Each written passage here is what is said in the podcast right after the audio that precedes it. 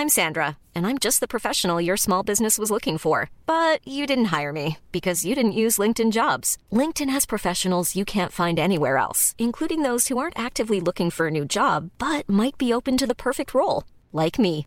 In a given month, over 70% of LinkedIn users don't visit other leading job sites. So if you're not looking on LinkedIn, you'll miss out on great candidates like Sandra. Start hiring professionals like a professional. Post your free job on linkedin.com/people today. There's never been a faster or easier way to start your weight loss journey than with PlushCare. PlushCare accepts most insurance plans and gives you online access to board-certified physicians who can prescribe FDA-approved weight loss medications like Wigovi and Zepbound for those who qualify. Take charge of your health and speak with a board-certified physician about a weight loss plan that's right for you. Get started today at plushcare.com slash weight loss. That's plushcare.com slash weight loss. plushcare.com slash weight loss.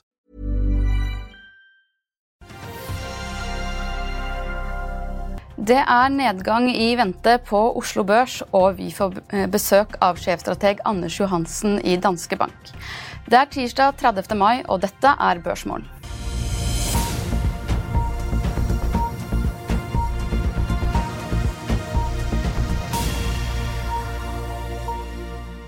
En riktig god morgen og velkommen til Børsmorgen her hos oss i Finansavisen.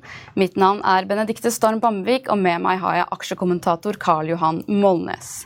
Senere i sendingen får vi også besøk av sjefstrateg Anders Johansen i Danske Bank. Før vi hopper på dagens program, skal vi gå gjennom utviklingen på Wall Street på fredag, der optimismen rundt forhandlingene om gjeldstaket i USA løftet de tre hovedindeksene før pinsehelgen. Teknologitunge Nasdaq ledet an oppgangen og steg over 2% I Asia og stillehavsområdet er det blandet tirsdag morgen, der Nikkei i Japan faller med 0,1% mens kinesiske Shanghai Composite er ned 0,7 Samtidig er Hang Seng i Hongkong ned 1% men Kospi i Sør-Korea er opp 0,8% Når det gjelder Oslo Børs, så endte hovedindeksen ned fredag etter en handelsdag preget av korreksjon blant lakseaksjene. Tirsdag venter Nord-analytiker Roger Berntsen at hovedindeksen vil gå starte ned 0,2% Oljeprisen falt svakt mandag, og tirsdag fortsetter nedgangen, der et fat nordsjøolje nå handles for 76 dollar og 58 cent. Og her er ikke resultatsesongen over enda, og i løpet av morgentimene har det kommet et knippe resultater fra selskapene med Oslo, Oslo Børs, bl.a. fra Jon Fredriksens kontrollerte Avanse Gass, som viste et resultat etter skatt på 36,3 millioner dollar i første kvartal. Til sammenligning hadde selskapet et resultat på 34,7 millioner dollar i fjerde kvartal i fjor. Rederiet skriver også at de venter en sterk inntjening i andre kvartal og forventer en snittinntjening på skipene på rundt 50 000 dollar dagen. Det har også kommet nye oppdateringer fra meglerhusene, der bl.a. DNB Markets har økt kursmålet på Borr Drilling fra 90 til 110 kroner per aksje og gjentatt kjøpsanbefaling. Kurs ved stengetid fredag lå på 81 kroner.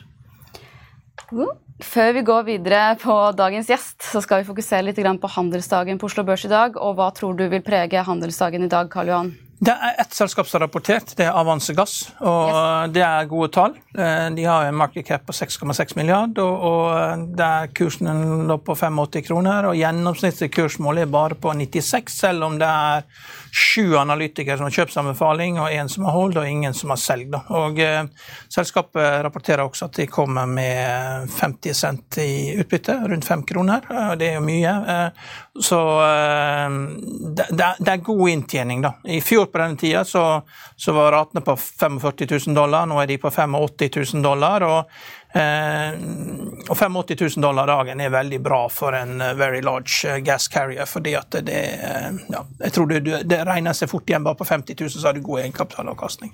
Så dette er jo et marked som har blitt mye mer spotpreget enn det var. Det jo, LPG er jo et søppelprodukt. Det genereres hver gang du flytter oljen, og da, da er det gasser som oppstår. og Bergesen og japanerne bygde opp dette markedet, da var det stabile rater. For det var et søppelprodukt, og oljeprisen var veldig lav, og man, alle klarte seg med lite. Og Så har USA blitt stor oljeprodusent, og nå har det blitt mye større. og Det er som en fattigmanns-LNG, brukt til energi, i, i, spesielt i India. og Det van vanskelige med dette er å analysere liksom hvor ratene, hvor mye de svinger. Da I mars i fjor var de helt nede i 13 000 dollar dagen. Så det er vanskelig å analysere dette. Men likevel, Aksjen skal opp i dag. Det er PE nede på 5. EPS har i løpet av året forventningen gått opp fra 50 eh, cent til 1,4, så det er vanskelig å se hva som skjer framover.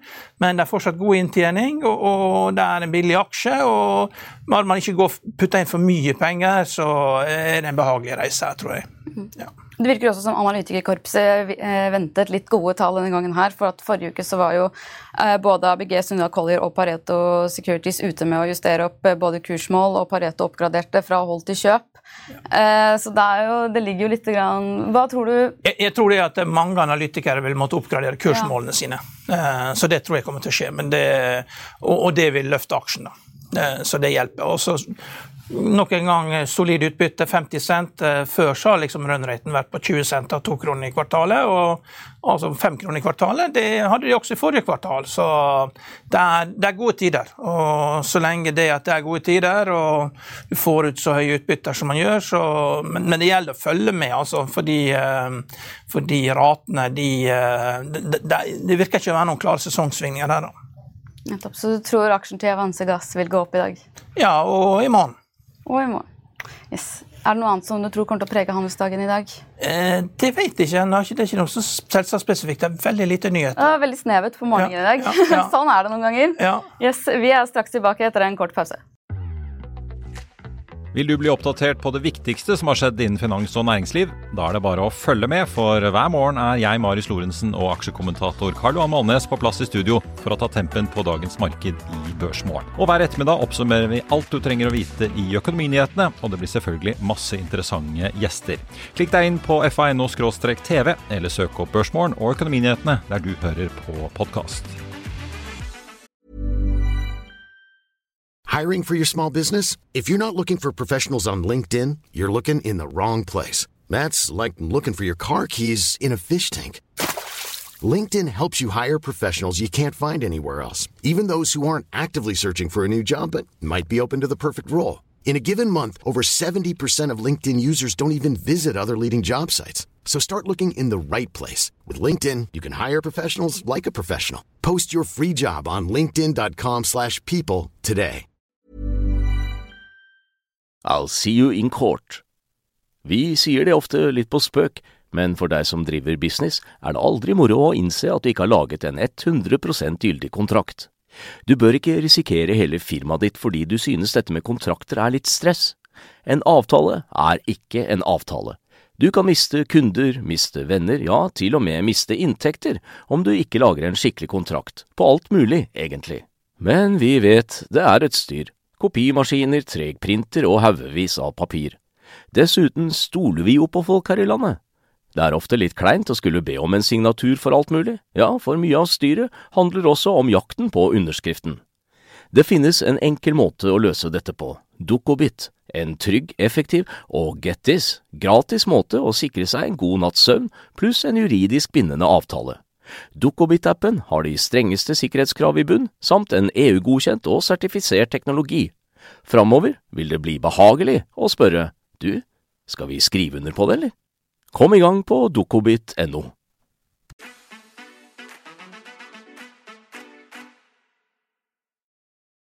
Da er handelsdagen i gang, og Oslo Børs stiger faktisk fra start med 0,18% Og Med det så går vi over til dagens gjest, sjefstrateg i Danske Bank, Anders Johansen. Velkommen til oss. For det. Har nettopp, eller Du har jo nettopp gitt ut en ny kvartalsrapport eh, med et markedssyn fremover. Eh, og Da snakker du særlig om eh, en balansekunst i markedet som dere er opptatt av. Hva, kan du forklare hva dette betyr? Det er egentlig på, på flere nivåer, da, men, men, aller først er det snakk om sentralbankenes jobb med å få ned eh, inflasjonen uten å dra oss inn i en resesjon, altså denne soft landingen. ikke sant?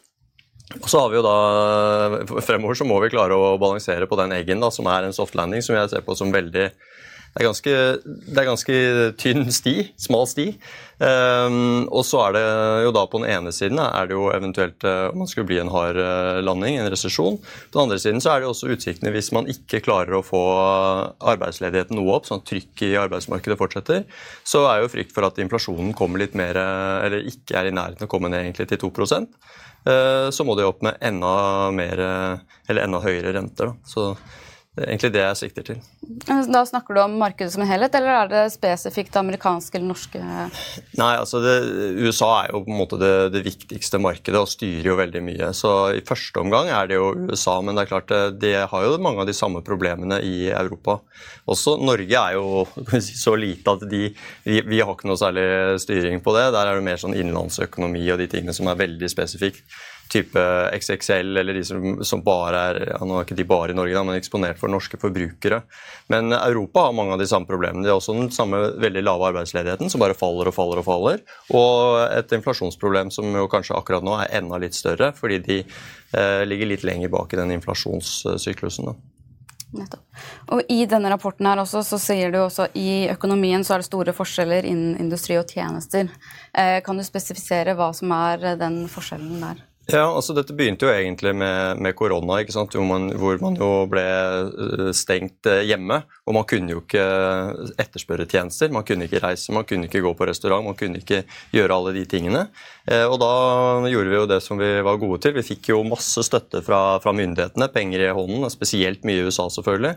Litt mer etter behov i andre land. Men da etterspurte man jo varer. Uh, og så har man jo nå sett Etter gjenåpningen så har man jo da redusert etterspørselen etter varer og, uh, i veldig stor grad, men man har jo da ønsket å, å, reise mer. Så trodde vi jo egentlig, eller i hvert fall jeg trodde, at det skulle være en sånn man I fjor sommer så reiste man den reisen som kanskje var utsatt fra 2020 til 2021, så fikk man den i 2022. Men vi ser jo nå igjen at uh, for 2023 så er det jo helt fullbooket og på mye høyere priser enn hva det var før. Så folk fortsetter jo å, å etterspørre. Så det vi jo ser på, på som en ledende indikator på økonomien, det er jo PMI-ene. Som sier noe om hva tror innkjøpssjefene om tre til seks måneder, eller uh, utsiktene deres. Og der har det jo på industrien lenge vært veldig svake tall. Godt under dette 50-nivået. 50 er på en måte, er det under 50, så ser man for seg uh, under, altså negativ vekst. Er det over 50, så er det fortsatt bedring og vekst. Da. Og industrien har lenge, lenge ligget under 50. Eh, tjenestesektoren har ligget over 50 periodevis, veldig høyt, men sånn, sklir sakte nedover, men er fortsatt over 50. Um, og den, den, forskjellen der er jo nå ganske, ganske, ekstremt stor. Og også er det overraskende, eller kanskje ikke overraskende, men det er jo litt unikt fordi det, uh, det gjelder Kina. Vi ser det i Kina, vi ser det i Norge, vi ser det i Europa og vi ser det i USA. Nesten på tvers uh, overalt. At det, er den uh, veldig dårlig, står dårlig til i industri, mens mye bedre på tjenestesiden. Så folk har fortsatt penger til overs etter eh, pandemi? Ja, så jeg er litt usikker på om de egentlig har det, men vi føler oss jo rikere. Det er litt sånn at uh, Man har jo alltid en del penger på bok, eller i hvert fall mange har det. Si at du hadde 100 000 kroner stående på konto som en sånn buffer før pandemien. Uh, og så har jo prisene steget ganske mye i løpet av de siste to-tre årene. men sånn at hvis du nå kanskje da har 110, kroner, eller 110 000 stående på konto, så tenker man at ja, jeg har jo mer nå enn jeg pleide å ha, ergo har jeg fortsatt god råd. Jeg kan bruke litt ekstra penger. Men så glemmer man å si at ok, de 110 000 jeg kommer mye kortere med dem nå enn jeg faktisk gjorde med 100 000 for tre år siden. Så der tror jeg folk blir litt lurt av den eh, inflasjonen som, som har vært. Men det merker man jo ikke før ting begynner å gå gærent. Eh, at du faktisk trenger å bruke den bufferkontoen din. Så jeg tror at, eh, Og det ser vi spesielt på Norge, hvor vi jo har eh, flytende renter. Så ting slår jo veldig fort inn i norsk økonomi. Her er det jo sånn at vi har negative sparerater, og, og folk bruker Eller vi er langt under de nivåene hvor vi var før pandemien på de oppsparte midlene. Det er vanskeligere å få tall på Europa. I USA tror vi vi er sånn omtrent på samme nivå som man var før, når man justerer for inflasjonen. Så det, Pengene er egentlig slutt, men vi ser jo at folk fortsetter å bruke allikevel. Og så ser man også i USA for eksempel, at kredittkortforbruket øker ganske kraftig. Da. Og det på rekordhøye renter. Så det er jo en bekymring til, til litt lenger frem i tid. Så blir det også en dyr ferie for nordmenn i år? For nordmenn blir det veldig dyrt, i hvert fall hvis du skal ut av landet. Så det norske kronen har jo I forrige uke så passerte vi vel 11 mot dollar, og da leste jeg i avisen at da var det, det var syv dager før hvor vi hadde vært på høyere nivå.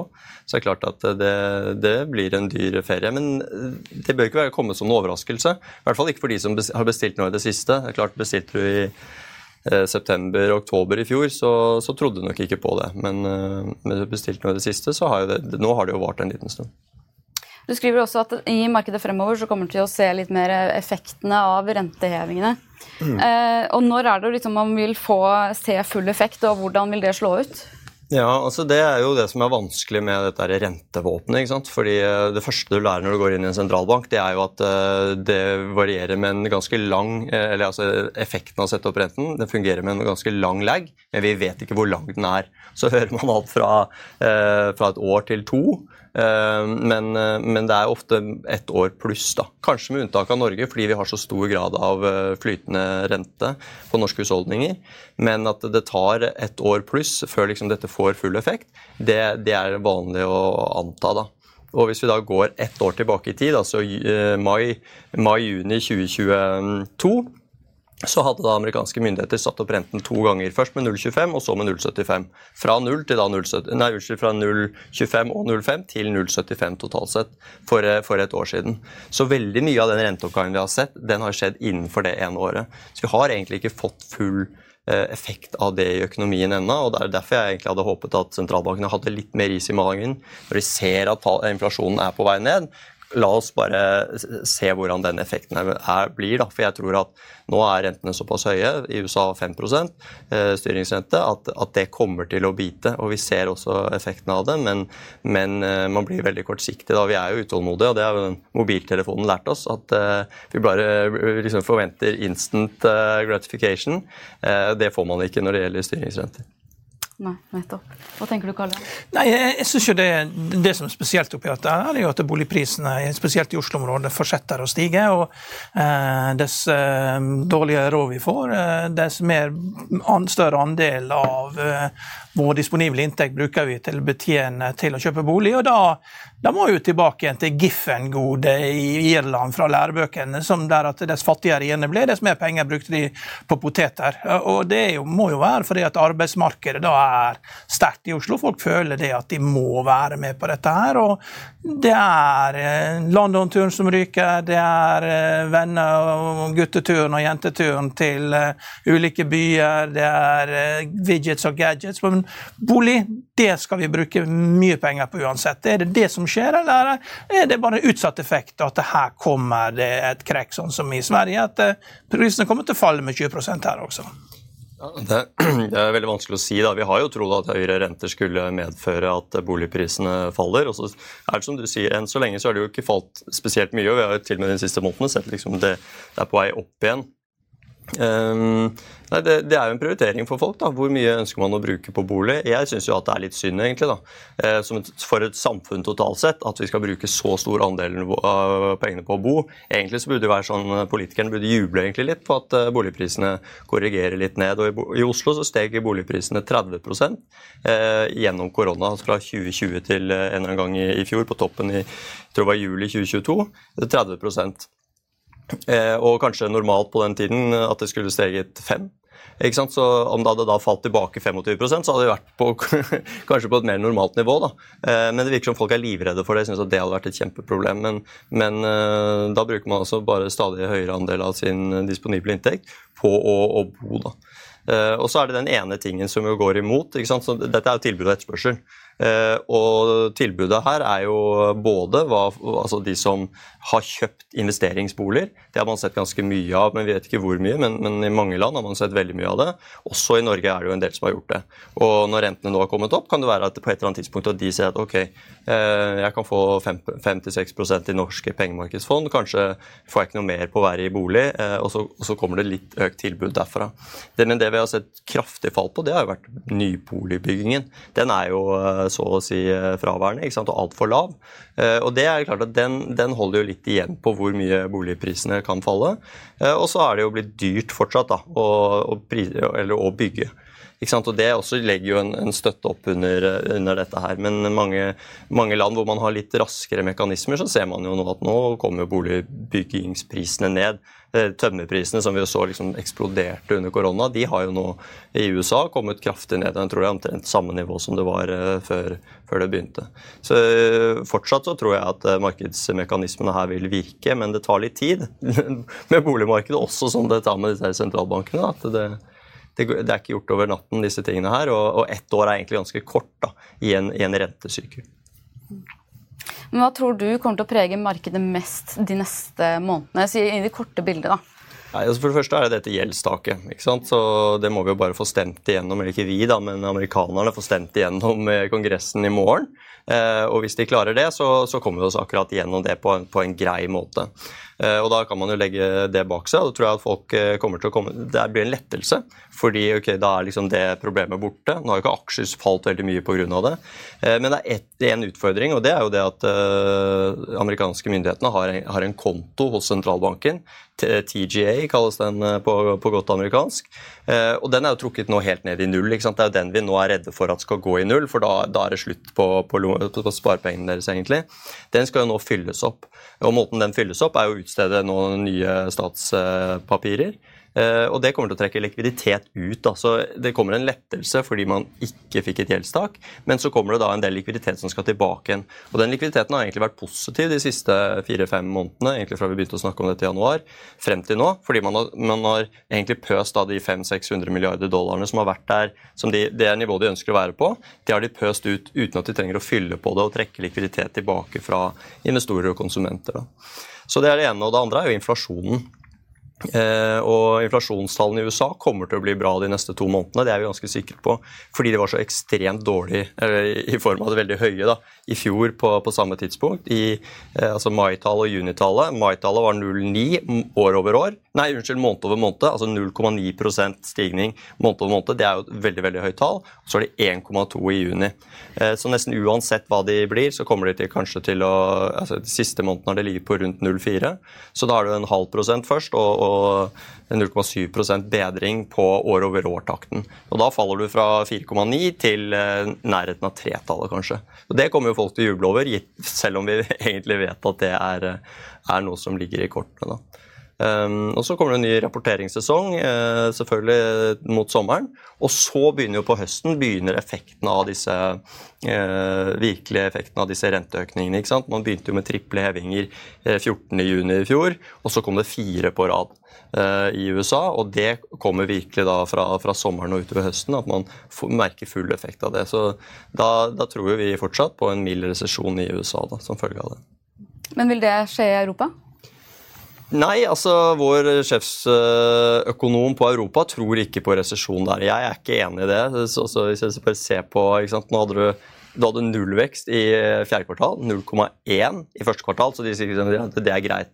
Men Forrige uke fikk vi jo da reviderte tyske tall som viste at eh, sant, første lesning på BNP-tallet for første kvartal var, ned, var, null. Nå ble den revidert til minus 0,3. Så da har du to negative kvartaler på rad i Tyskland. Og det er jo egentlig før det har sett ganske negative tall for, eh, for mars i Tyskland. Industriproduksjonen falt nesten 10 Detaljomsetning, altså konsumenten osv faller også kraftig i mars-lesningene fra Tyskland. Så jeg tror jo også at eh, det skal mye til at ikke hvis, hvis Europa, nei, USA stopper enda litt mer, at det, det ikke de også får problemer. Og så har du en sånn wildcat. Eh, eller eh, wildcard heter det kanskje, det er jo El Niño og dette her. ikke sant? Fordi denne, som det har blitt mye fokus på i det siste, dette værfenomenet, eh, som jo egentlig starter i Stillehavet, men som jo da smitter over på resten av verden, faktisk.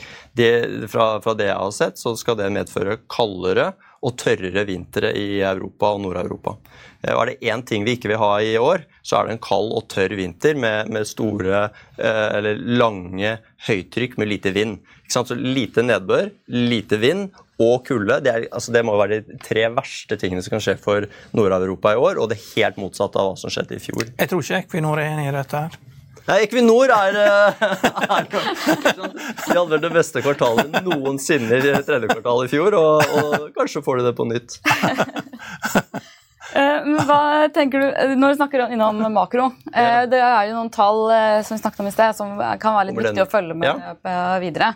Eh, kan du fortelle litt om hva, hva, du vil spesielt følge med? Ja, altså denne, det, det, er jo et rentemøte i USA på 14.6 igjen. Det, det, begynner jo da 13., det er alltid to dager, så begynner 13., og så er det 14.6. 13.6 så kommer neste runde med inflasjonstall i USA. De blir jo viktige, men jeg tror allerede nå vi kan si at de blir ganske bra. Eh, men eh, arbeidsmarkedet er en nøkkel. Hva skjer der? Arbeidsledigheten i USA 3,4% Den tikket jo faktisk tikket litt nedover.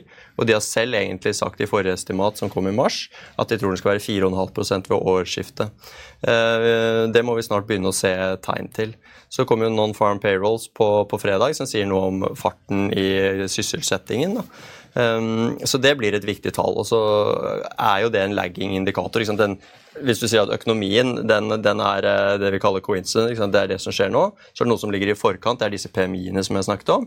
Og så har du egentlig sysselsettingen. Den fortsetter jo egentlig å falle en stykke inn i en resesjon. Så egentlig er den ikke så viktig å se på, men veldig markedet følger mye med på det. Jeg tror også Fed følger med på det. Men i tillegg så kommer altså disse claims, initial claims og, og continuing claims som kommer hver uke.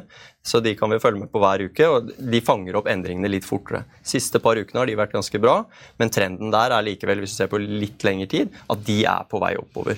Uh, altså det, og det vil si at uh, folk uh, mister jobben litt mer enn tidligere i USA. Da. og arbeids, altså, Vi kan ikke begynne en ny oppgangsperiode med en arbeidsledighet på 3,4% Det er en halv til 1% minst lavere enn en hva man tror er, er på en måte en likevektsarbeidsledighet. Helst, hvis vi skulle begynt en varig oppgangskonjunktur, så burde jo den vært Eh, et par prosent over, sånn at vi kunne pøst på med denne arbeidskraften inn i økonomien og fått en, liksom en sånn, litt sånn ekstra boost inn i sykelen, sånn som det pleier å være. Så jeg tror at um, Fed følger nok veldig nøye med på det, og jeg tror de skjuler seg litt bak høy inflasjon. Eh, for det er veldig lite politisk hyggelig å snakke om økende arbeidsledighet. Det er liksom ikke noe, noe som, som, folk vil at de skal si, men, men, så lenge inflasjonen er høy, så kan de skjule seg bak det for å holde rentene høyt. Da. Så, så tror jeg det vil jeg følge spesielt med på. Og I denne rapporten så skriver dere også at dere har eh, forskjellige områder hvor dere Eh, skal på en måte bruke for å manøvrere dere gjennom det markedet som kommer nå. og Da trekker dere spesielt frem japanske aksjer. Mm. Eh, føler dere Warren Buffett-metoden? ja, altså Nei, det er Warren Buffett som følger oss, egentlig. Nei, altså Dette tar jo litt tid. Ikke sant? Man tenker på det. Vi har sett at uh, japanske aksjer er spennende og har blitt gradvis mer spennende. og Det skjer en del ting der. Altså For det første er de billige, men det har det jo vært i ikke 30 år, for de begynte jo ekstremt dyrt i 1989, da boblen sprakk. Men de har vært billige i hvert fall de siste 10-15 årene årene. Um, og så venter man jo hele tiden på at de skal begynne å gjøre et eller annet eh, mer investorvennlig. De sitter på enorme mengder cash. Jeg tror 40% av uh, japanske selskaper er nett cash-positive. altså De har mer kontanter på balansen enn de har gjeld, i motsetning til vestlige selskaper. Eh, og Det jo, gir jo lav eh, avkastning på kapitalen. Så Hvis de kunne sysselsatt den til noe mer fornuftig, eh, liksom fått den ut i økonomien, folk kunne brukt den liksom, så den fikk om, omløpshastighet, da, hadde det vært positivt. I tillegg til at de ville fått høyere avkastning på denne kapitalen de har. Og Det ser vi nå gradvis tegn til at de er i ferd med å endre det. Det tar lang tid, det går sakte, de er veldig forsiktige, disse japanerne. Men vi ser nå at de har like høy, ut, like høy utbyttegrad som i USA, og så økende grad med tilbakekjøp av aksjer. Så det er sånne langsiktige ting som ligger der. Så både, både positivt at de er billige, at de er i ferd med å begynne å gjøre noe med disse kontantene.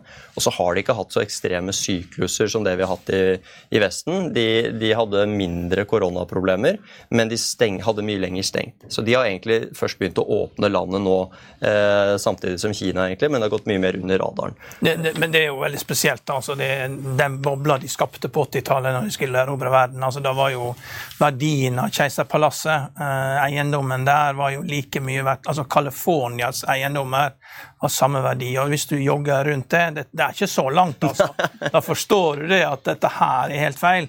Så det er klart det tar jo veldig lang tid når du har vært, eh, du har vært i en sånn administrert boble. Og det var jo basert på da verdien av eiendommen som var ved siden av, eh, rett ved siden av. Der er jo jordskjelv også å tenke på, så det er jo ikke evigvarende heller. Altså det, det, er jo det er konsekvensen når du har en ekstrem boble, at det tar veldig lang tid å komme ut av det. Og så er jo Japan er jo ikke et kapitalistisk samfunn, det er jo et samfunn som tar mer vare på folk enn på pengene. Eh, og det lærte jo Tiger Management når de begynte å gamble mot uh, japanske igjen, og mente det at de var nødt til å devaluere, for avkastningen på japanske selskaper var bare 3 mm. og, Men det skjedde ikke. De devaluerte ikke. De, de var heller villige til å leve med lav avkastning. Eh, og det er jo helt utenkelig i den vestlige verden. Og da tapte Tiger vel 10 eh, av kapitalen sin i løpet av en natt. Ved at det igjen gikk fra 121 til 110, og da skjønte de at det spilla over. Mm. Nei, altså det er klart at uh, dette, er jo, dette er jo en av de mange, eller en av noen kjente sånne widowmakers der ute i ja. markedet, som mange har gjort uh, før. Men vi syns likevel at Eh, det er 30 år siden, eller 34 år siden, egentlig 1989 nå. da. Ja. Eh, og eh, de første 20 årene så, så, var det veldig mye som handlet om å, å, egentlig å komme litt på plass igjen etter den ekstreme boblen. Jeg tror knapt vi har sett noe, for det var ikke bare eiendom eh, som var så ekstremt, det var jo også aksjer eh, som liksom var trukket opp i helt astronomiske høyder. Jeg tror PE eh, på indeksen var rundt 90. Eh, i Tokyo, i, i motsetning til eh, høy PE under, eh, under dotcom i USA, var vel 45 eller noe sånt. Så det dobbelte av ekstremt dyrt i USA. Så man har brukt 20 år på det, men har sett de siste ti årene egentlig, har japanske aksjer gitt bedre avkastning enn europeiske. Og nå ser vi da en, egentlig, da en katalysator for at de også skal kunne kanskje gi enda litt bedre avkastning. Så har vi jo prøvd oss et par runder på emerging markets også, og håper liksom at, at det skal bli bra. Eh, men vi ser jo Kina det de, de er jo et land som har store strukturelle problemer. Eh, og eh, faktisk siste tiårene, i motsetning til Japan, som har gitt positiv og egentlig OK avkastning, så har kinesiske aksjer vært flatt de siste 15 årene. Og inntjeningen øker heller ikke. og Det er det jeg er litt bekymret for der. at Hver gang selskapene gjør det litt bedre, så kommer det litt sånn som mange beskylder norske myndigheter for å drive med for tiden. Da kommer det en ny skatt eller et eller annet sånt noe som gjør at det tilfaller ikke da aksjonærene, men, men myndighetene. Da. Eh, sånn at eh, Kina er eh, Og så har de demografiske problemer og en husboble som har sprukket. Så emerging markets x Kina syns jeg er ganske spennende. Kina er, er mye mer vanskelig. Og, og, så har du det geopolitiske problemet på toppen, da. Som jo er en Altså who knows, men, men det, det har i hvert fall ikke gått riktig vei det siste året. da. Eh, Anders, jeg tror faktisk vi må runde av eh, der. Vi kunne jo egentlig fortsatt med det her i noen timer, tenker jeg. Men nå må vi bare si takk til deg, eh, sjefstrateg i Danske Bank, Anders Johansen. Takk for at du kom til Børsmorgen. Natt til søndag norsk tid kom president Joe Biden og opposisjonsleder Kevin McCarthy til enighet om hovedlinjene i en avtale for å øke USAs gjeldstak. Det er ventet at en avtale kan bli sendt gjennom denne onsdagen denne uken. Eh, dersom de to partiene ikke blir enige og USA misligholder gjelden, har USAs finansminister Janet Yellen sagt at det kan få katastrofale følger for det globale finanssystemet. Eh, og Karl Johan, du, eh, vet du hva som er eh, punktene i denne midlertidige avtalen? Ja, jeg vet det, men det er klart igjen, vi, vi blir jo overraska av politikken her. og Man skal aldri investere på bakgrunn av politikk.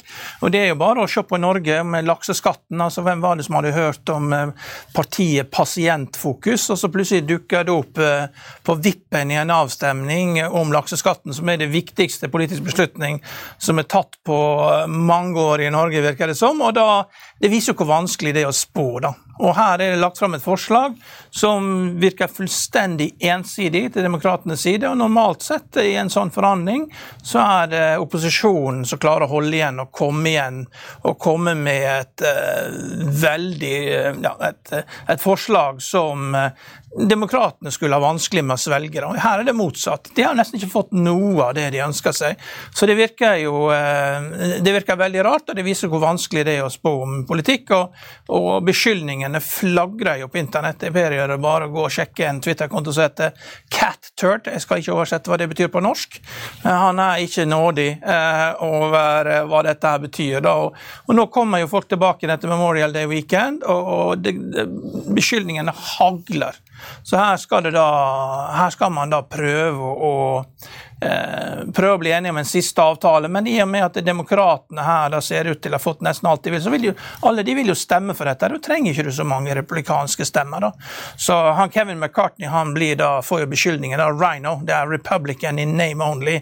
Det er det de beskylder ham for å være. da, Og, og de, disse her eh, mest konservative de føler seg virkelig snytt, så det kommer til å bli mye bråk eh, eh i dag. da, Men det, det, går nok gjennom i en eller annen form i nærheten av dette her.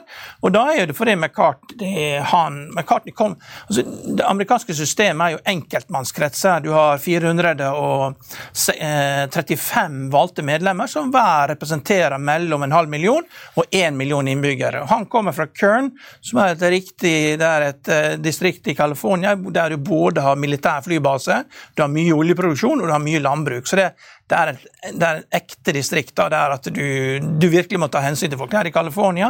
Og han ser vel det at eh, ja, hvis, at det, hvis vi har penger til bankkrise i California, eh, vi skal ha penger til å dekke en nedgangskonjunktur, så, så nytter ikke det å spare på penger til redningsbåter. For det her trengs det mye redningsbåter, og det er alltid lett å stå og skrike på at man skal kutte kostnadene, men med en gang eh, det er problemer, så er det krav om at man skal redde Silicon Valley Bank. og Amerika er i en krise, og da trenger du disse pengene, enten du er demokrat eller republikaner. Og, Det er den pragmatismen da som har slått seg igjennom, og demokratene har vel da eh, lest McCarthy The Riot Act, som det heter. ok, kan, vi, kan gjerne, vi, kan gjerne, ha mye strammere her, men da går det til helsike. Er det det du vil? Så det, det, er veldig overraskende at dette skjer, at eh, opposisjonen ikke har større makt til å få gjennomslag av noen. For dette her ser ut som et rent demokratisk forslag. Det er veldig rart. Du, selv om ingenting er satt i stein ennå, så går det fortsatt rykter om at en ny gjeldssak ikke vil settes til en spesifikk sum? Det er riktig. Uh, I løpet av de neste to årene. Ja, Hvilke konsekvenser vil det ha? Ja, Det betyr at du har ubegrenset med penger til å dekke opp for en bankkrise. Du har ubegrenset med penger for å dekke opp eh, for en nedgangskonjunktur, for du kommer til å trenge penger til det. Og du vil ha ubegrenset også penger til å dekke opp en krig. Men husk på det at nedgangskonjunkturer har en egen evne til å sanere en del gjeld. da. Så det er alle som driver og regner med at eh, gjeld stiger veldig mye, så, så Økte renter eh, og konkurser har en egen måte i å redusere gjeldsstørrelser. Og man blir overraska når man kommer ut på andre sida og ser at ok, det ble kanskje ikke så mye gjeld som man trodde. Så det, det skal man ikke undervurdere. Det så man også i finanskrisen, at det, det, er mye gjeld som blir borte fordi pengene blir tapt.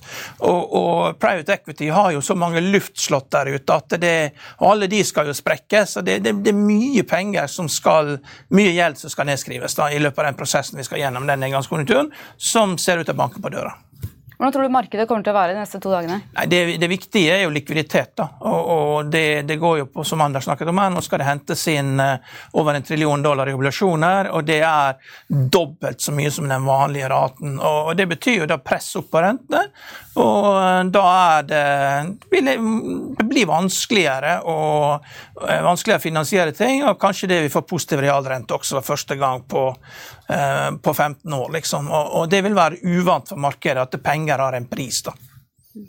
Så Yes. Det blir nok mye prat om gjeldssaker de neste det blir, dagene. Det er mye skrik og skrål, og uh, mye folk som er forbanna. Du må følge med på Matt, Matt Getz. Da. Han ser jo ut som en blanding av uh, Adam Lambert første gang da han gikk på, uh, på, American Idol, og der han står og synger Freddie Mercury. Altså, det, det, er jo skuespill av høyeste grad, dette her. Så følg med på hva han sier. Han er en viktig mann, og hvor sint han er, da. Det, og, og det blir liksom Han er temperatur temperaturmålet da på eh, hvor sint man skal bli mot dette. Men jeg tror det at slaget er tapt for republikanerne. Og eh, jeg anbefaler igjen å lese kontoen til Catherd. Eh, der får du eh, lest hva han mener om dette. her, og Det er liksom rennestein til Maga. Han, eh, han sier, prøver å si ting så ærlig som det er, ut fra de, deres synspunkter. Det, går ikke an å gjenta, egentlig, men da får du en stemningsmåling på det som skjer. Men vi, vi må ikke bruke for mye tid på politikk, for det, politikk det er, um, umulig å analysere det. Vi kan sitte her i dagevis og diskutere, vi aldri finne ut hva dette. Det viktige er at USA er et kapitalistisk samfunn, og, og eh, politikerne kommer til å gjøre alt de kan for å beskytte bank, banksystemet. Og beskytter du banksystemet, så beskytter du økonomien, og da vil det være penger til alle. Litt mer til de som er 1 rike, men det vil alltid være noe til alle. Det er derfor alle folk reiser dit og vil bo der og jobbe der. Masse gode tips fra deg der, ja. Karl Johan. Og jeg tror faktisk vi må sette en strek der. Det var da børsmålen for denne tirsdagen. Husk å få med deg økonominyhetene senere i dag 14.30. I mellomtiden så får du siste nytt på fa.no gjennom hele dagen. Vi ønsker deg en riktig god dag videre, og takk for nå.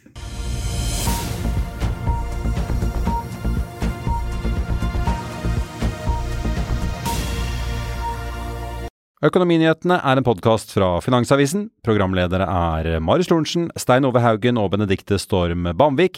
Produsenter er Lars Brenden Skram og Bashar Johar. Og ansvarlig redaktør er Trygve Hegnar.